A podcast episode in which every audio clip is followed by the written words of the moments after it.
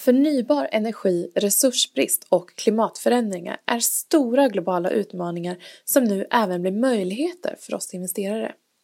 FNs livsmedels och jordbruksorganisation beräknar i sitt huvudscenario att det globala behovet av skogsråvara kommer att öka med ungefär 50 procent av loppet av tio år. Söker du efter att diversifiera din portfölj eller letar efter en hållbar investering mot ett fossilfritt samhälle? Då kan skogen vara ett intressant och hållbart komplement till portföljen. Den här veckans avsnitt publicerar samarbete med Skogsfond Balticum, en ny fond med ambitionen att leverera 7-9% årlig avkastning med en 8 års placeringshorisont. Affärsmodellen är framtagen av ett erfaret förvaltningsteam. Bolaget noteras nu på NGM och nyemissionen pågår fram till den 7 juni i år. Varför då i Baltikum? Skogen där är betydligt mer prisvärd än svensk och det innebär en lägre risk för prisfall. Dessutom är hoten om granbarkborrar, stormskador och brand mindre i Baltikum. Investeringen i fonden kan placeras i D9SK samt i din kapitalförsäkring.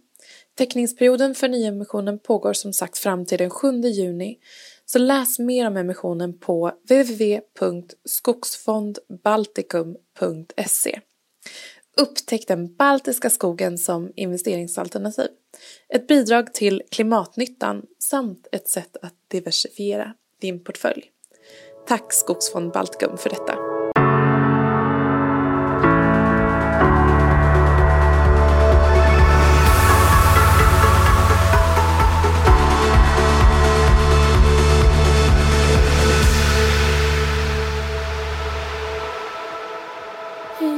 Mikaela Berglund heter jag och varmt välkommen till Feminvest. Det här programmet är den andra delen av en längre intervju med Günther Mårder som är VD på Företagarna. I den första delen så får du höra lite om Günthers allra första investeringar samt lite av det som han ser krävs av en företagare eller en entreprenör. Så om du inte redan har tagit del av den allra första delen så missa inte den innan du lyssnar på den här. Men om man då ser på, om vi går tillbaka till det här där du började tala om du var extremt duktig på att ta risk. Eh, hur ser det ut, liksom, vilka tar risk eh, när det kommer till, och då kan vi börja med att prata om investeringar och så kan mm. vi gå över till entreprenörskap om det ser annorlunda ut där. Ja, och, och sen vill jag säga att jag var duktig på att ta risk. Jag skulle, jag skulle ta bort eh, ordet duktig. Mm. Alltså, jag tog fruktansvärda risker. Det skulle jag inte gjort. Jag borde inte tagit de riskerna som jag tog. För då hade jag inte gått på pumpen år 1999 intill 2000. Så att, eh, men hur, hur, ser risktagandet ut? När jag, när jag var på Nordet som ekonomisk talesperson och sparekonom, då tittade jag på hur olika investerargrupper investerar. Och sen började jag skära dem på ett spännande sätt. Jag tog grupper som tjänade lika mycket, där vi tittade på årsinkomst, vi hade uppgifter om det på Know Your Customer, då måste man fylla i de här uppgifterna. Vi visste att de hade lika mycket tillgångar. Vi visste att de förde över ungefär lika mycket pengar varje månad till sparande. Och sen började se vad investerar de i? Och då kunde jag börja skära det här på åldrar och såg att det var inte speciellt lätt att se några stora skillnader i ålder när det kom till hur man investerade. Men om vi skar det på män och kvinnor och tog en kvotgrupp där man tjänade lika mycket, hade lika mycket tillgångar, månadssparade lika mycket. Så det var identiska förutsättningar i, i det synligt ekonomiska. Så kunde jag titta ner i männens portfölj och se att riskprofilen var avsevärt mycket högre än vad den var i kvinnors portfölj. Kvinnors portfölj kantades i hög utsträckning av blandfonder där man både hade aktier och ränta eller renodlade räntefonder och en väldigt hög grad av riskspridning i väldigt många olika produkter. I männen så förekom det enskilda portföljer där det kunde vara all in i en enskild aktie och inte sällan på den tiden då när jag var där i Fingerprint. Man kunde äga en enskild aktie och det var Fingerprint. Och Fingerprint kunde ju utan problem ett enskilt år röra sig 400 procent. Mm. Eh, och då är det klart att ett sånt år så kommer det gå väldigt bra för den personen den portföljen som snittkvinnan hade i den här gruppen kommer aldrig någonsin att röra sig mer än på sin höjd 10% Skulle det vara över 10% så skulle det nästan falla av stolen. För det är alldeles för mycket räntedelar i den. Så att riskprofilen skiljer sig avsevärt mellan män och kvinnor trots lika ekonomiska förutsättningar, samma ålder, samma ekonomiska tillgångar. Och här är min här, grunduppmaning. Det vi måste få det är fler kvinnor och framförallt redan tjejer och till och med flickor att vilja ta större risker tidigt i livet för att lära sig att med risk följer avkastning. Mm. Men med högre avkastning så är det inte alltid så att det blir högre avkastning. Tar du risk så kan också spridningen i utfall öka. Om du bara investerar i räntebärande eller om du bara har pengar på bankkontot, då vet du precis vad du kommer att ha om ett år. Mm. Du kommer att ha noll i avkastning, samma som du hade nu. Teoretiskt borde du ha haft minus, för det är minusränta. Men bankerna har ofta nollränta. Du vet precis vad du kommer ha. Om du skruvar upp risken och du har Fingerprint, 100% av din portfölj är Fingerprint. I ena fallet så kommer du ha 400% positiv avkastning. Men i andra fallet, om du hade gjort samma investering de senaste åren, så hade du haft 97% nedgång.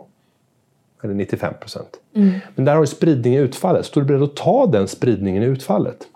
Och det här tycker jag att vi ser så skillnaden i risktagande mellan män och kvinnor går igen i hela samhället. Men sen har vi en tendens i Hur ser den fördelningen ut? Du nämnde 70 000 bolag. Fördelningen mellan män och kvinnor, är det någorlunda lika? Just nu eh, så är det ungefär 40 procent av bolagen som grundas av en kvinna, 60 procent av en man. Sen så, nu väger vi in samtliga företagsformer. Mm. Och om vi skulle titta bara på enskild firma, då är kvinnor kraftigt överrepresenterade och startar majoriteten av alla enskilda firmor. Tittar vi däremot på aktiebolag, då är männen ännu mer överrepresenterade än 60 procent. Jag vet inte om vi är uppe på 75, där har jag inte de exakta siffrorna, men kraftigt överrepresenterade där. Och redan där så visar man ju någonstans en ambitionsnivå. Mm. Enskild firma, lite lägre risk, det är bara jag. Jag har inte tänkt att bygga upp ett bolag utan bara försörja mig själv. Aktiebolag, jag vill friskriva mig från risken som privatperson för att kunna maxa risken i bolaget för att kunna maximera resultaten. Men det blir också en större spridning i utfall. Mm. Så att, eh, vi skulle behöva få till stånd ett, ett större, bredare samtal om vad det här får för konsekvenser för hela samhället. För det är inte bara när det kommer till investeringar och företagande. Men om man då pratar om jämställda bolag så tänker jag egentligen it makes sense att, att jämlik jämställdhet och diversity, alltså olika typer av personer i, i en styrelse, ledningsgrupp, företags, liksom, nu sipprar ner i organisationen, att det skulle bidra till bättre beslutsunderlag därmed.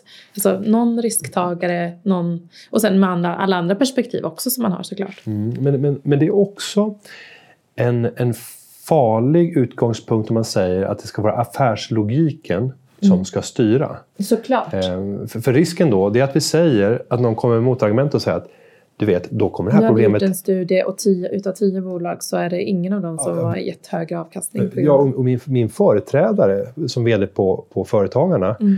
eh, tog ju fram en studie som släpptes på internationella kvinnodagen eh, som egentligen var menad att peppa kvinnor att ta mer risk. Eh, men studien visade också att kvinnors bolag hade lägre lönsamhet. Mm. Och så gick vi ut med studien och då fick hon bära hundhuvudet för att hon förstörde mm. för alla kvinnor genom att säga att kvinnors bolag har lägre lönsamhet. Ja, om vi bara mäter det datavis. Om ett bolag har av en kvinna så har bolaget i genomsnitt lägre lönsamhet. Men det blir fel fokus. Ja, det är inte det eh. som är det viktiga heller. Liksom, utan det är ju att, eh, alltså egentligen grundläggande att man ska få, få, få, uppfylla sina egna drömmar. Att alla ska ha samma möjligheter. Det är det jag hävdar är det viktiga. Och det kan man säga att vi har, men det Juridiskt, stämmer inte. Ja, men, men det stämmer inte. För börjar man granska då, åter till risktagandet, så är det skillnader i hur mm. vi blir fostrade redan från barnsben. Och vi kan ju se i Världsbanken ändå, alltså rent juridiskt så har vi go väldigt goda förutsättningar i Sverige idag. Eh, men som du säger, eh, sen i förhållande till beteende och eh, vad vi får med oss ifrån liksom, kulturellt och så, så så begränsar det något. Och sen måste man också våga prata om de negativa effekterna med ökat risktagande. Mm. För om man tittar på antalet, eller andelen företagare som driver sitt företagande på ett sådant sätt att man gör en konkurs som sen innebär att man har överträtt ansvaret, om vi tar ett aktiebolag, du har blivit betalningsansvarig för bolagets förpliktelser. För du borde ha upprättat en kontrollbalansräkning och avvecklat bolaget. Men du gjorde inte det, för du tog risk. Jag tänkte vända det här, jag ska vända det, jag ska klara det. Nej, det är utdömt. Och till slut så kommer kraven att ställas på dig.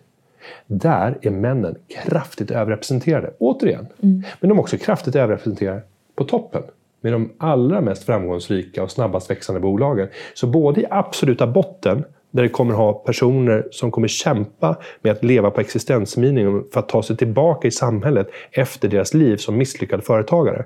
Och vi pratar nästan bara i jämställdhetsdebatten om de här positiva effekterna. Mm. Vi pratar om att kunna nå de här toppositionerna, att kunna få, eh, liksom, få ta del av det positiva. Men det innebär också att du måste stå beredd att ta det som är andra sidan av utfallet. Mm. Och detsamma gäller ju Ta fängelser. Alltså fängelser är överbefolkat av män. Titta på självmordsstatistik. Det är långt mycket vanligare att du begår självmord om du är man.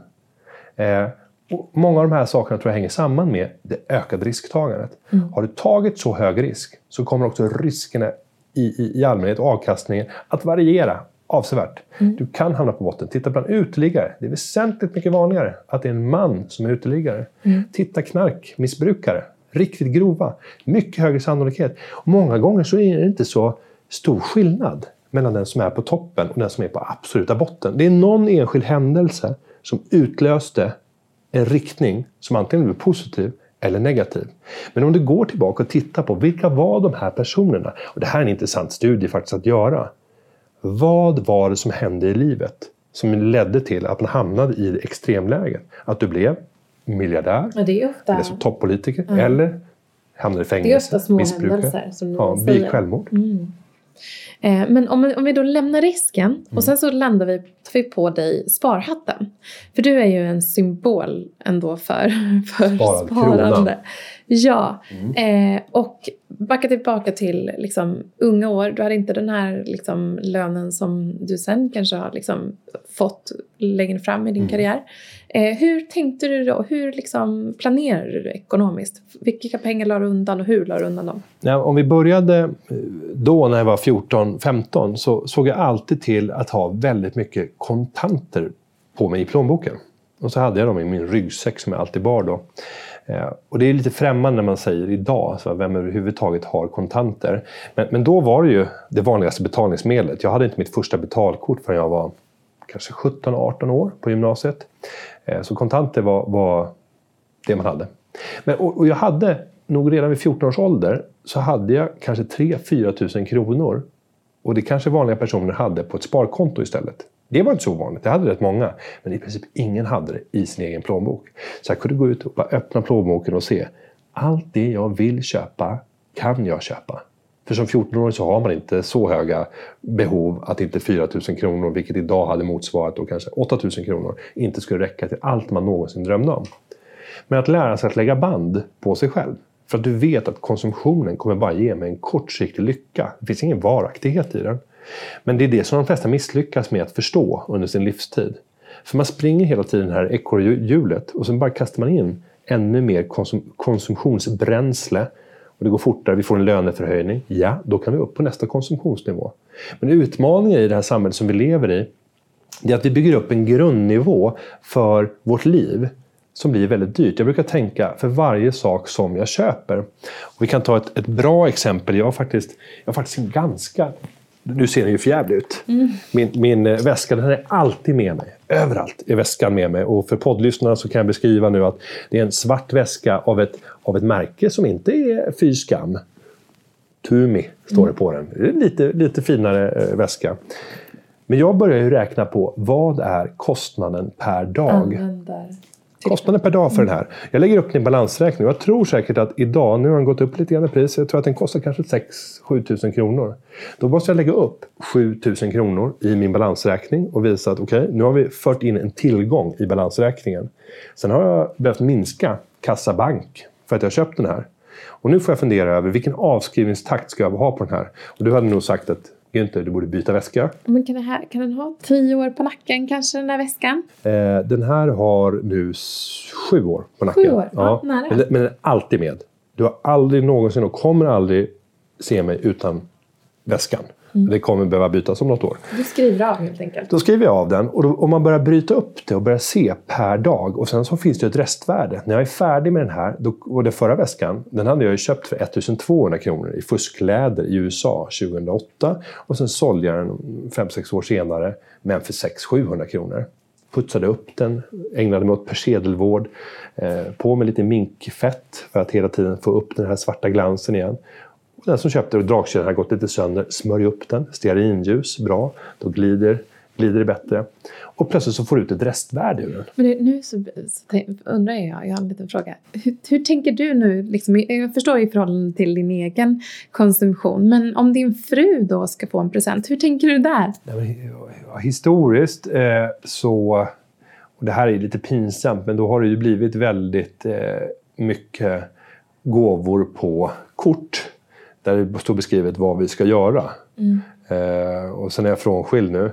Eh, jag vet inte om det är, det är skälet. Men, men, men många av de där sakerna eh, blev kanske inte alltid av. Mm. Men, men det blev också samma sak från hennes sida.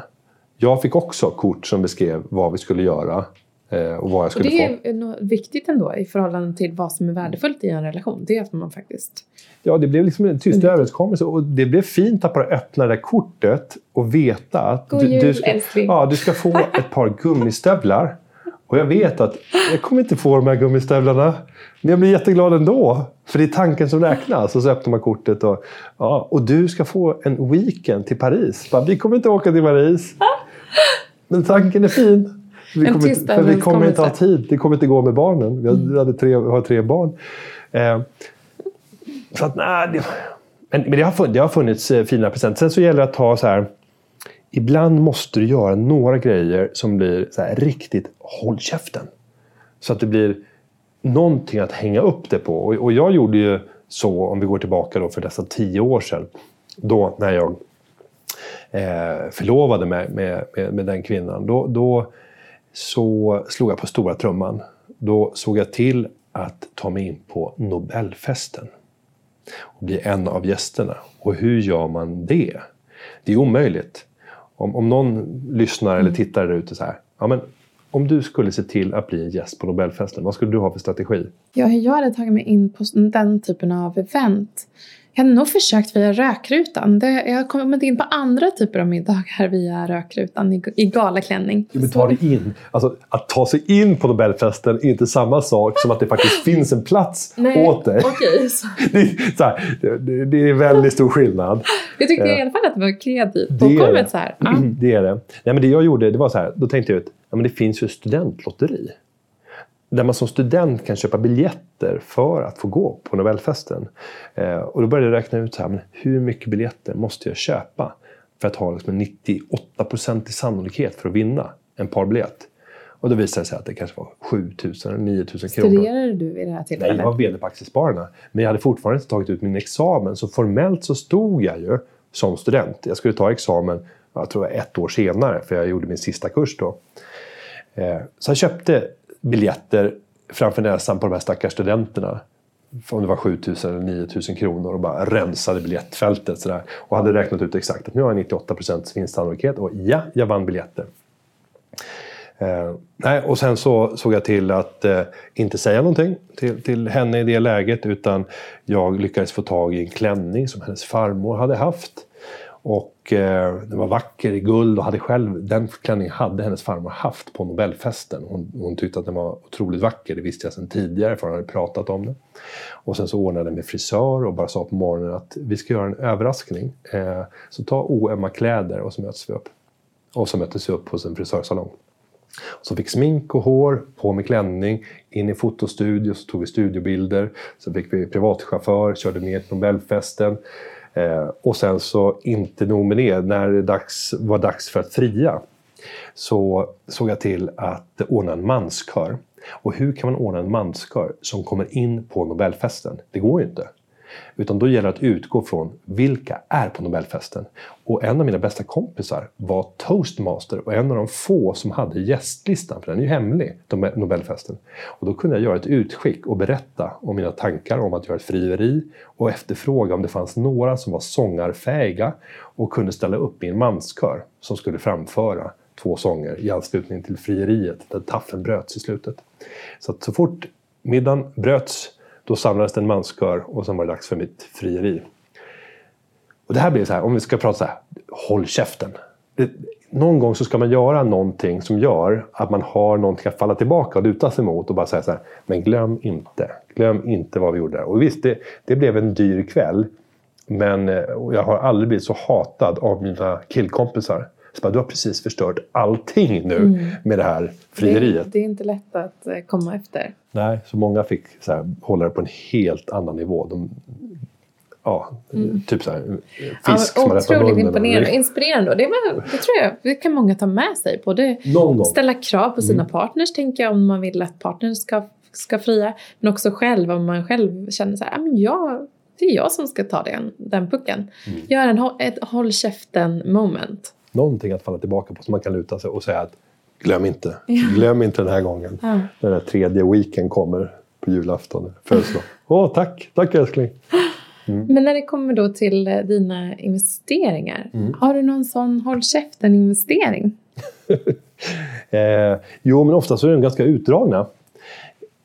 För, de har, för, den som har följt mig länge så vet de att jag är otroligt långsiktig. Och det betyder att ett genomsnittligt innehav ofta stannar ibland 10, ibland ännu fler år än 10. Och det är väldigt få som har den tidshorisonten. Men gå till dig själv, titta i din portfölj. Hur många av de aktier du har i din portfölj idag fanns för 10 år sedan? Mm. Och jag ska säga att det borde vara lejonparten av dem. Annars så tror jag att du har en strategi som kommer vara mindre gynnsam för dig, mer gynnsam för banken för att driva transaktioner och få pengar att rulla. För det är först när pengar rör sig, det är då man som bank har möjlighet att tjäna bra med pengar. Mm. Om pengar ligger stilla i tillgångar som inte man tar ut en löpande avgift på, då finns det ingen intjäningspotential. Och vilka industrier eller branscher kikar du på? Om man tittar i min portfölj idag, den, den, finns ju öppet. Det är 60 000 som följer portföljen via Shareville. Eh, så har jag ett bett som sticker ut på marknaden och det är bettet mot att vi kommer att leva i en allt mer osäker värld.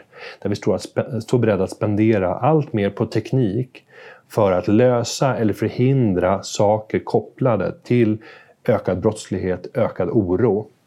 Eh, ett av dem är en eh, tillverkare av algoritmer, som tar fram algoritmer för smart kameraövervakning. Då kan du ta en kamera och sen bestycka den med algoritmer som tolkar bilderna för att sen ge information som är värdefull för till exempel en väktare för att kunna avläsa vad är det för typ av aktivitet vi just nu ser. Tänk dig de här filmerna som man ofta får se från USA när man det sitter någon i det här kontrollrummet och sen så tittar de på 50 tv-skärmar. Det är ganska ovanligt i, i Sverige idag. Vi kanske skulle kunna se det om vi tittar i SLs kontrollrum. Där ser det nog ut som. Även i London, jag har bott i London tidigare. Ja, där, där säger de att ja, en tunnelbaneresa så har du fångats upp på 50 000 kameror. Mm. Jo, och övervakningskamerorna är fler än någonsin. Mm. Men just de här övervakningsrummen mm. där en överviktig eh, man sitter med en hamburgare i ena handen och tittar på de här bilderna för att avgöra och bedöma, mm. som man ofta ser på amerikanska filmer. Det är inte så vanligt. Idag så har du algoritmer istället som tolkar bilderna för att mäta aktivitet. Mm. Och skulle du då till exempel ta om vi nu är inne på en, en, en rälsbunden transport.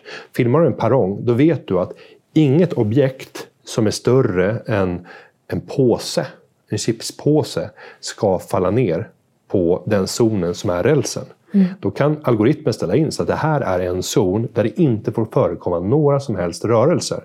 Gör det, då ska det gå ut ett skarpt larm och då ska tåget automatiskt bromsas. Sen ska väktare omedelbart komma till platsen. Och då behöver du inte göra någonting, då är det bara att vänta tills det eventuellt kommer ett sånt larm. Så att det är intelligent övervakning istället för att det sitter en människa och tittar på en skärm och gör en bedömning. Mm. Och sen är det självlärande algoritmer som där om det har inträffat någonting som gett ett larm så får frilansare titta på bilden och säga stämmer den här tolkningen som algoritmen gjorde? Var det en människa som blev nerputtad på spåret? Stämmer det när du som människa granskar det här?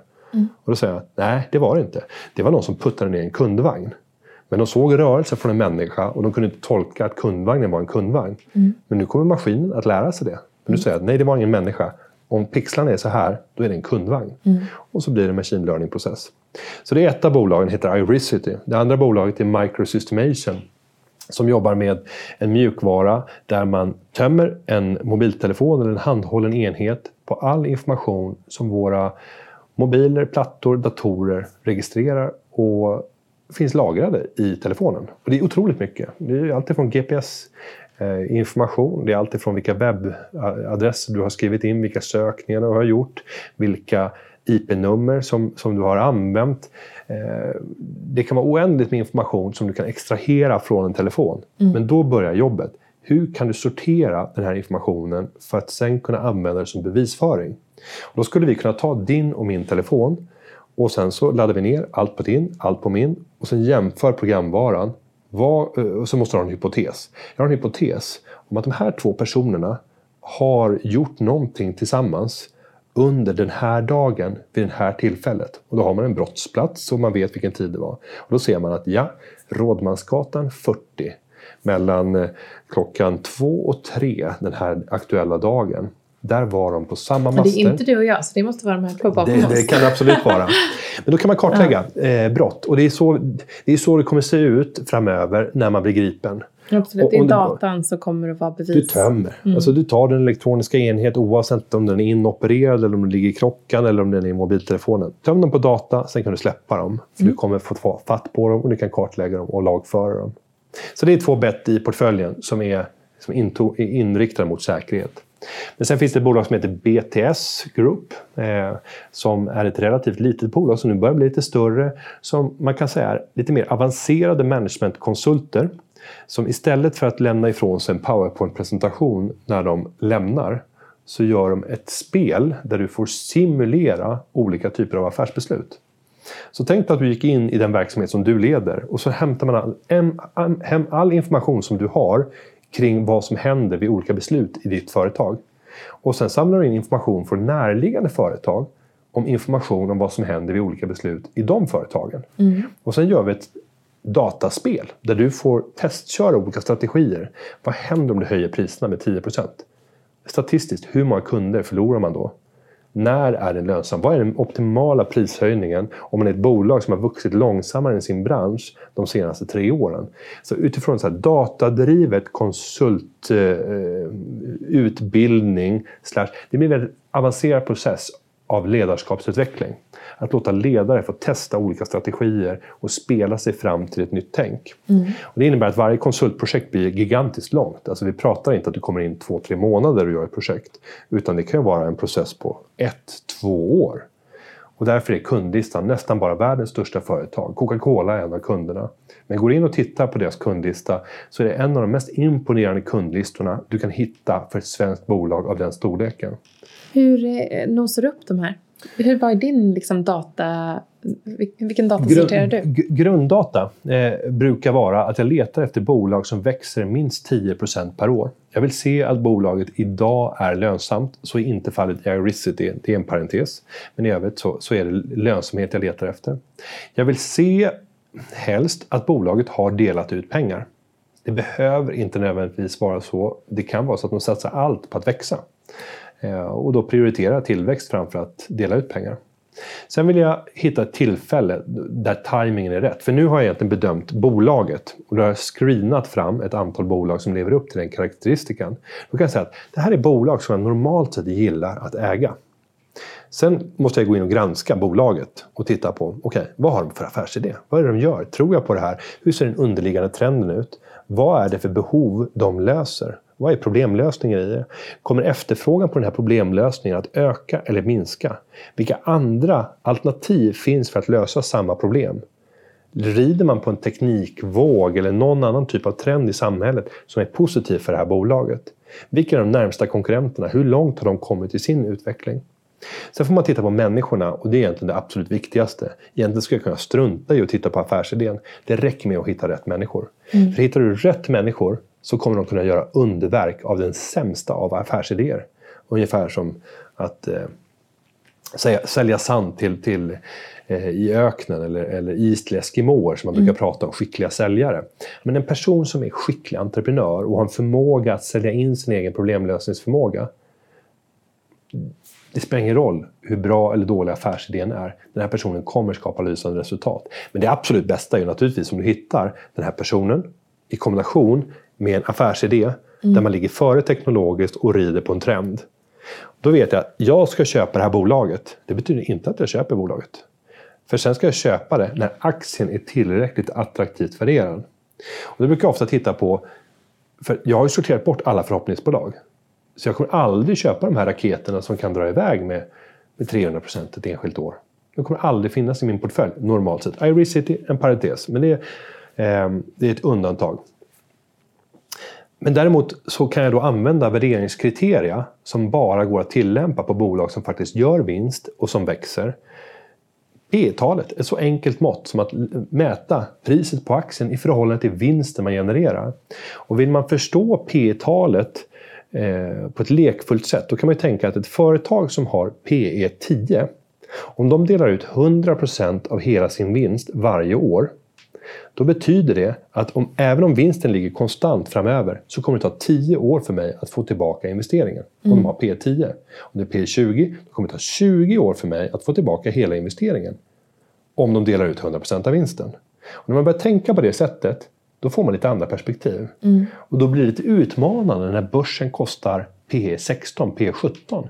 Det ska ta 16-17 år för mig att få tillbaka de här pengarna. Visst, du har ju kvar värdet i aktien. Om du kan ju inte tänka att det är en obligation som försvinner, att upplöses genom att du har betalat ut eh, kupongerna, utan du sitter fortfarande kvar med, med värdet. Då. Så det är ett bra tankesätt att titta tillbaka på vad är normala historiska värderingar för det här bolaget, för jämförbara konkurrenter och för den sektorn. Mm. Då brukar jag ta ett P-intervall. Och för de som gillar teknisk analys då kan man tänka sig att göra ett sånt här candlestick-diagram. Eh, där man visar vad är toppnoteringen, vad är det högsta P talet som de har nått under den här perioden, vad är det lägsta och sen kan man titta, vad är det genomsnittligt högsta varje år? Och så tar man en tioårsperiod och det blir motsvarande eh, toppen i, i själva candle-formationen. Mm. Det här blir kanske jättenördigt. Nej, det är inte, och botten, det är genomsnittligt lägsta varje mm. år. Och var befinner den sig idag? Och där mm. gör du strecket. Mm. Och då kan du se, var befinner den sig i ett historiskt perspektiv? Ligger den inom sitt normalintervall eller ligger den ute i extremvärdena? Och jag vill ju köpa när den är nere i strecket under. Såklart. För att notera sitt bottenvärde. Det är där jag vill hämta hem den. Och det är väldigt sällan så att jag köper bolaget... Den perfekta stormen där, det är Jo, det, och, och, mm. när du vill köpa det, det är inte när det kommer ut bolagsspecifik information som gör att aktien faller. Utan det är när det kommer ut marknadsinformation som gör att marknadsrisken stiger och alla aktier faller. Så börskrisen. När det blir kaos på börsen, då kommer även kvalitetsbolagens värderingar att gå ner. Och det är då du ska ha ordentligt med kapital för att kunna ta dig in i de kvalitetsbolagen som du har spanat in genom att titta på de här faktorerna jag talade om tidigare. Köpa bolaget. Du väntar att köpa aktien sen. Mm. Du har bestämt dig för att köpa. Men du köper inte aktien förrän du ser att värderingen är rätt. Mm. Och det kan få ta, ibland, det, det, kan ta två, tre år innan jag gör entré i ett bolag. Jag vet att jag kommer köpa det. Så var det i Iricity. Mm. Men det dröjde två år ungefär innan jag väl gjorde köpet. Mm. Eh, och när det kommer till eh, liksom, hur du konsumerar och hur du spenderar idag. Nu så har du ju ändå en god lön, men har du liksom fört med dig det här beteendet upp till idag? Eh, provocerande mycket. Eh, om jag summerar med att säga att jag eh, personligen lever inklusive boende och alla omkostnader på strax över 10 000 per månad i dagsläget. Så jag lever på en ekonomisk nivå som är ungefär hälften av vad en eh, ensamstående person som jobbar som undersköterska till exempel eh, lever på rent mm. ekonomiskt om vi tittar statistiskt. De brukar bränna hela sin lön. Det brukar finnas väldigt lite utrymme kvar för sparande. Eh, och då innebär det att de har en lön många gånger som ligger kring 25 26 000 så de får ut strax under 20 mm. 000. Mm. Så ungefär hälften av vad en ensamstående undersköterska lever för mm. är min totala levnadsomkostnad. Och då är det tre barn och sen frånskild och har eget boende. Då. Mm. Så det går. Mm. Det går att göra fruktansvärt mycket. Ytterligare en sista fråga. Eh, BNP är ju någonting som egentligen manar på konsumtion som värde i och med att det är det, är det som mäts eh, i grund och botten. Vad tänker du om det? Ja, och sen är frågan för, för vem ska vi tillfredsställa med ett BNP-mått? Det finns ju väldigt mycket ekonomisk aktivitet som inte fångas upp av BNP. Eh, om det hade varit så, om vi ska leka med måttet. Eh, Spotify. Om du hade köpt all världens musik och byggt upp ett musikbibliotek hemma hos dig, eller ni kanske till och med var tusen personer som byggde upp det här biblioteket tillsammans. Sen fick ni gå och låna de här skivorna varje dag utan kostnad, för ni, ni tusen hade köpt det gemensamt. Eh, ja, då kommer ju inte, då kommer BNP att fånga det måttet, för ni har faktiskt fysiskt köpt de här. Men om ni istället har access till en streamingtjänst där ni får access till precis samma sak, men alla kan lyssna på samma skiva samtidigt. Då kommer vi bara mäta de här 99 kronor per månad som ni konsumerar för den här tjänsten. Och det blir ju ganska orättvist. I den här digitala ekonomin så får vi inte med och vi fångar inte levnadsutvecklingen och välståndsutvecklingen som vi har i BNP-måttet. Så att eh, jag tycker bara man ska läsa på och förstå konceptet. BNP-måttet ja, sätta det i perspektivet. Funktionalitet och varför det ser ut som det gör. Men också ha respekt för att det blir väldigt missvisande i flera fall.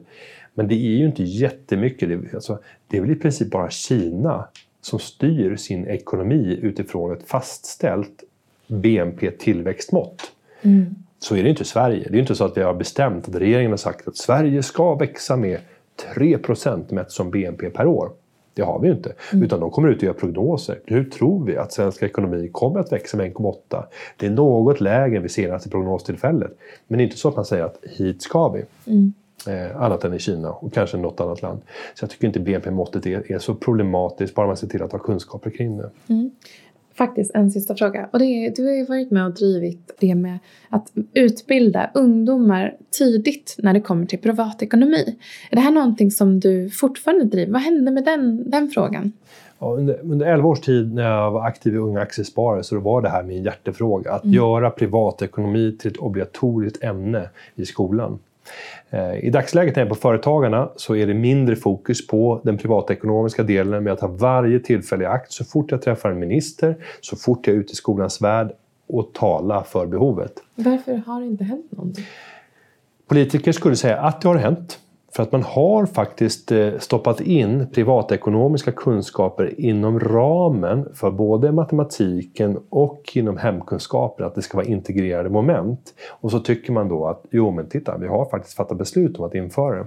Men jag tror att det behövs på en helt annan nivå. Skolan vi har ska forma de unga som ska gå igenom skolgången inför den vuxenvärld som väntar dem.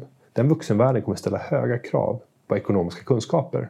Det handlar om försäkringar, det handlar om att förstå lån, det handlar om att förstå begrepp som ränta.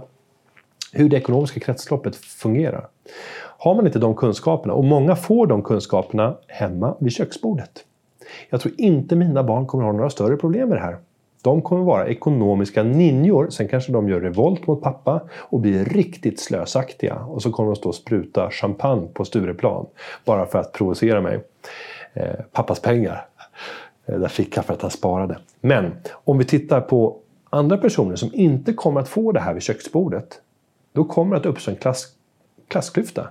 Eftersom du kommer inte kunna ta del av samhället på samma sätt. Mm. Du kommer inte förstå vikten av att placera dina pensionspengar.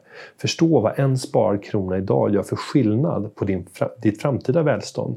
Att förstå vilka effekter ett sms-lån får och vad den verkliga räntan egentligen är. Och de klassklyftorna, de måste sedan samhället hantera. Till följd av fallissemang, där enskilda människor faller under på grund av att de hade för låga kunskaper om sitt eget ekonomiska agerande. Så att jag ser det snarare som en, en samhällsinsats för att skapa ett stabilare och mer... Eh, ja, det blir ett, jäm, ett jämlikare samhälle. Mm. Där alla får, då är vi tillbaka till att alla får samma rättigheter och möjligheter att kunna göra. Sen är det upp till dig att förvalta det. Men alla borde få en grundläggande nivå. Och det gäller både tycker jag, privatekonomi, men det handlar också om att förstå kraften och potentialen i ett företagande.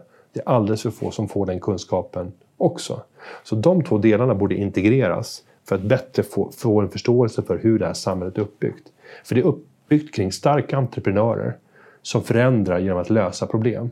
Det är de som har fört Sverige till det läge vi har idag och det enda sättet att få Sverige att vara ett blomstrande land i framtiden det är att de entreprenörerna får rätt förutsättningar att lyckas framöver. Mm. Och då krävs privatekonomiska kunskaper. Ja, klockrent avslut Günther. Stort tack. Jag tror du är den enda gästen där jag inte behöver ställa frågorna. Utan det är så, jag, måste... jag bara sköter allting. Ja, ja. Det, det är men otroligt eh, mycket spännande trådar.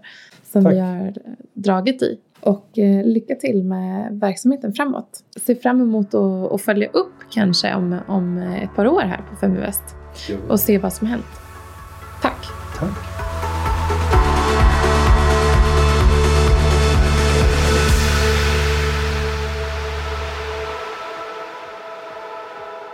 I det kommande avsnittet för Feminvest så kommer ni att få träffa Kajsa Gatenbäck som är investment manager på Schibsted Growth.